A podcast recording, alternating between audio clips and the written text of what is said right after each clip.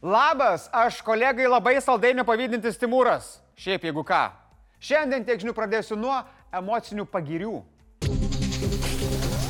Vakar džiūgavom, kad Vokietija pagaliau paleido į Ukrainą leopardus, bet juk buvo minčių, kaip į tai reagos Rusija. Nu juk buvo. Netrukus paaiškėjo, tiek naktį, tiek dieną dangus virš Ukrainos buvo neramus. Naktį virš užpulto šalies buvo numušti visi 24 Rusijos paleisti iranietiški dronai mopedai. 15 jų sunaikinta virš Kyvo. Išaušus rytui situacija nepagerėjo. Visoje Ukrainoje vėl gaudė oro pavojaus sirenos.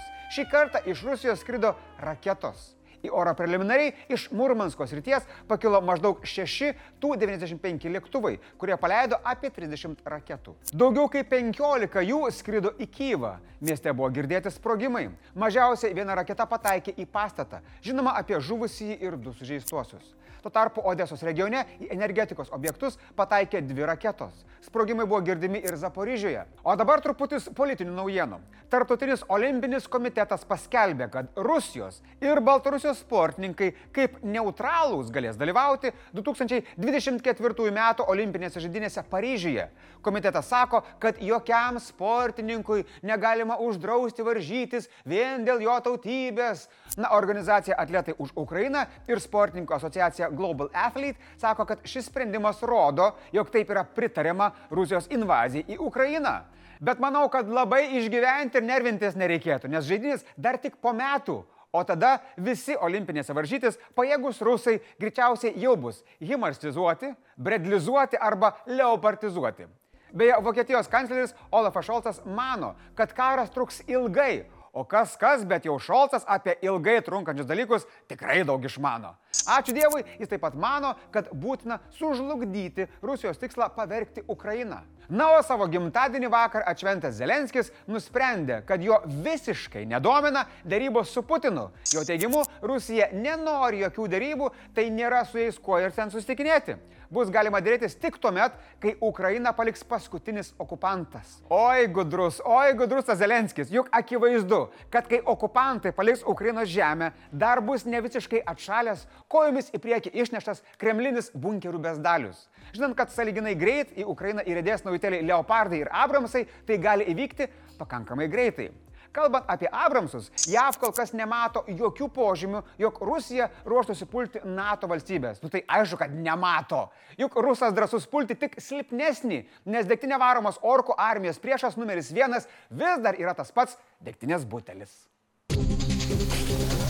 Jeigu nesate pikta baba arba nuolat zyziantis dėdas, turėjote pastebėti, kad elektra pinga. Tiek dėl palankių orų, tiek dėl sumažėjusios dujų kainos. Kad elektrai pingant mes neprarastume daugiau pinigų, valstybinė energetikos reguliavimo taryba siūlo peržiūrėti sutartį su nepriklausomais tiekėjais. Vert vadovas Renatas Pocius pažymi, kad peržiūrėti ir gal net pasirašyti naujas sutartis turėtų tie, kurie už elektrą moka daugiau nei 28 centus už kilovatvalandę. Tai padėtų ne tik jums, bet ir valstybei, nes jei reikėtų mažiau išleisti kompensacijoms. Atitinkamai daugiau galėtų išleisti kažkur kitur, pavyzdžiui, stiprinant mūsų kariuomenę. Nu kad ir. Jeigu jums atrodo, kad ai tiek to, ką man ta valstybė davė, tegu moka už mane, tai galvokit dar kartą nes nuo Liepos 1 kompensacijų gali būti atsakyta. Goodbye. Taryba taip pat pasisako už tai, kad elektrai pingant būtų galima peržiūrėti kompensacinius mechanizmus. Tai gali būti, kad kompensacijos dar dings anksčiau negu ta Liepos 1. Nord Pool biržoje pirmasias 3 sausio savaitės vidutinė 1 kWh kaina siekia 9,7 centus. Palyginimui su pernai atpigo daugiau nei dvigubai. Į kainų pokyčius reaguoja ir patys nepriklausomi tiekėjai. Šią savaitę, palyginus su praeitą, fiksuotų planų kainos sumažėjo nuo 3 iki 15 procentų. Ignitis sumažino vidutiniškai 8 procentais, Elektrum Lietuva 15 procentų, o Enefit 3. Tai kadangi teoriškai visi esate dabar jau sutaupę kažkiek pinigų, rašykit komentaruose, kam išleisite papildomus pinigus. Kam? Masažui, vakarieniai, gal skolą gražinsit kažkam, nežinau, parašykit, bus labai įdomu paskaityti. Paaiškėjusios naujienos dėl tankų labai nudžiugino vakarus ir nuliūdino karo nusikaltėlių irštvą. Kol kas preliminariai Ukraina turėtų pasiekti 14 britiškų Challenger 2, 14 leopardų iš Lenkų, tiek pat iš vokiečių, 4 iš portugalų, bent 20 iš ispanų ir 31 amerikietiškas Abramsas. Be to, jei patvirtins norvegai, duotų 8 dar leopardus, suomiai 14 pridėtų, su Niderlandais tariamasi dėl 18 ir su danais dėl 6. Tai jeigu viskas pasitvirtins, kalbam apie O 143 veikšinės kovos mašinas kietai, kietai. Švedai irgi galvoja. Tai žinokit, jeigu jūs ieškojot preteksto mesti savo naujų metų rezoliuciją, dabar yra tinkamiausias metas. Sakykit visiems, kad metėt, ką planavot, nes dabar kartu su visais labai intensyviai galvojate apie tankų davimą Ukrainai. Nu, tipo, galvojat, galvojat labai labai. Moraliai tai yra šachas ir matas. Visiškai saugus variantas. O kad daromas teisingas žingsnis, patvirtina Rusijos reakcija. Putino paudegio gyventojas ir atstovas spaudai Dmitrijus Peskovas įsitikinęs, kad tankų davimas Ukrainai yra tiesioginis NATO įsitraukimas į konfliktą. Bent jau tokios nuotekos sklando Maskvoje.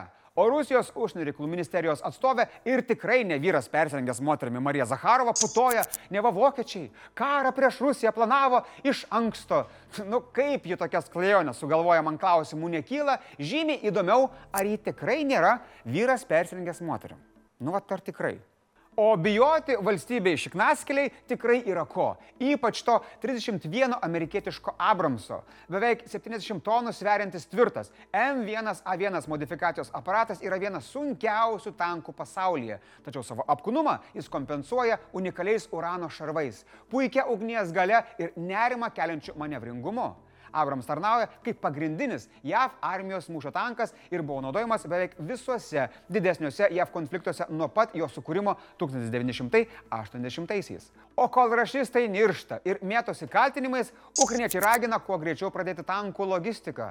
Vokietijos gynybos ministras Borisas Pistorius sako, kad Ukrainos karių mokymai prasidės ateinančiomis dienomis Vokietijoje esančiame poligone. Patys tankai į Ukrainą atvyks iki kovo pabaigos. Na nors ukrainiečiai yra be galo dėkingi sąjungininkams dėl suteiktos pagalbos, na bet priešą nusiųsti ten, kur yra Rusijos karinis laivas, norisi kuo greičiau. Tiesa?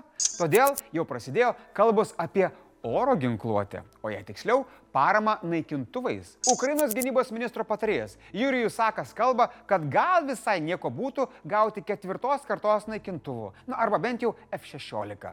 Pasak leidinio politiko, pokalbiai su vakarų šalių kariškiais ir diplomatais patvirtina, kad jau vyksta vidinės diskusijos dėl naikintuvų, kurias stumia Ukrainos pareigūnai palaikomi Baltijos šalių.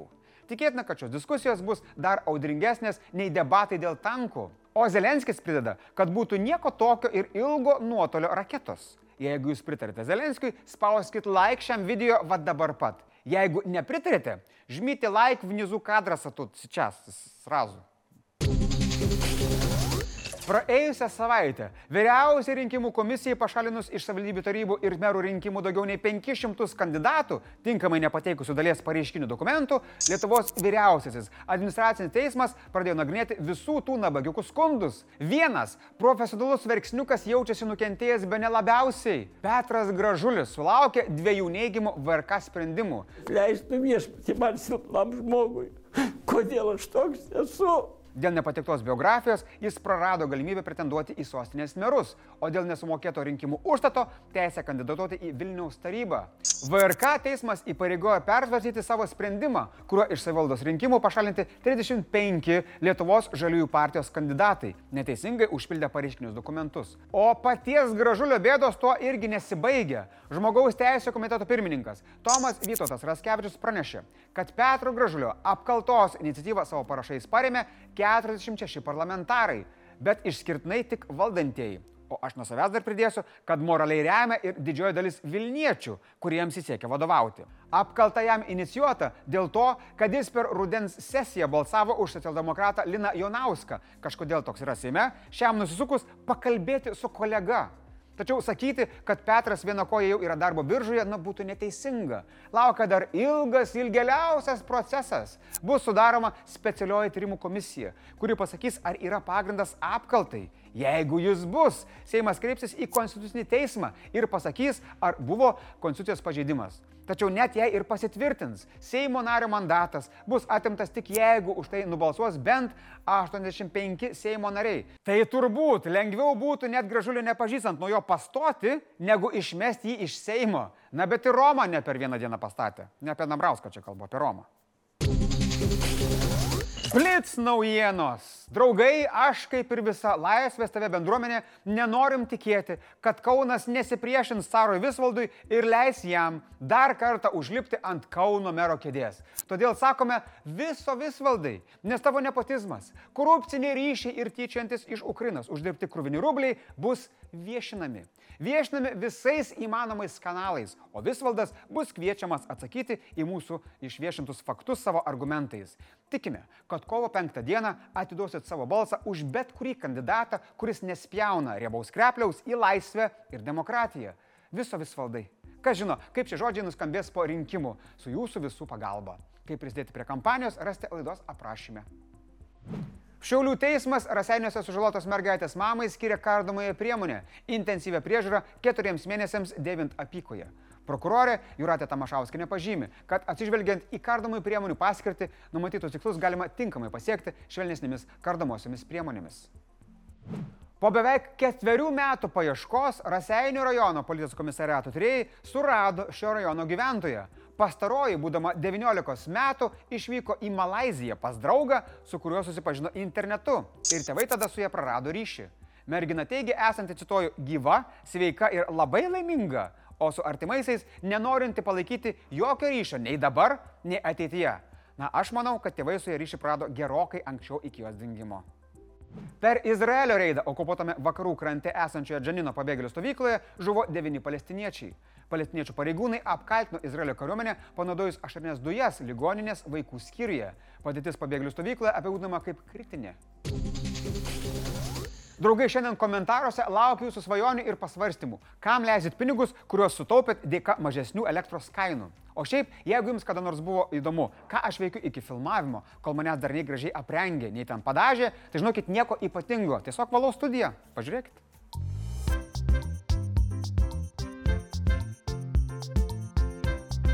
Komentarų apžvalga. Vakar jūsų klausiau, kasgi kaltas dėl avarijų keliuose. Oras, kelininkai, o gal patys vairuotojai? Nu tai atsakymų buvo, žinokit, įvairių.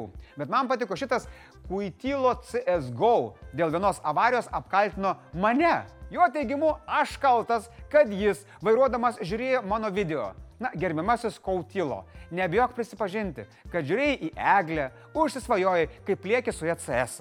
Ji tada ten pralaimi, tu ją ten tipo įmi guosti, nu tada ji tau labai dėkinga pasidaro, tada vienas dalykas veda prie kito ir tu jau tada pist griovy gulė aukštelnikas. Žinok, tai visiškai normali biologinė vyriška reakcija. Visiems tai būna. O kitiems patarsiu nebūti kaip šis komentatorius ir telefonu už vairo nesinaudoti, nes taip galit pamažinti Lietuvos populaciją, o ją, žinokit, didinti reikia įvairiausiais būdais. Prašom, prašom. Šiandien tiek žinių, iki.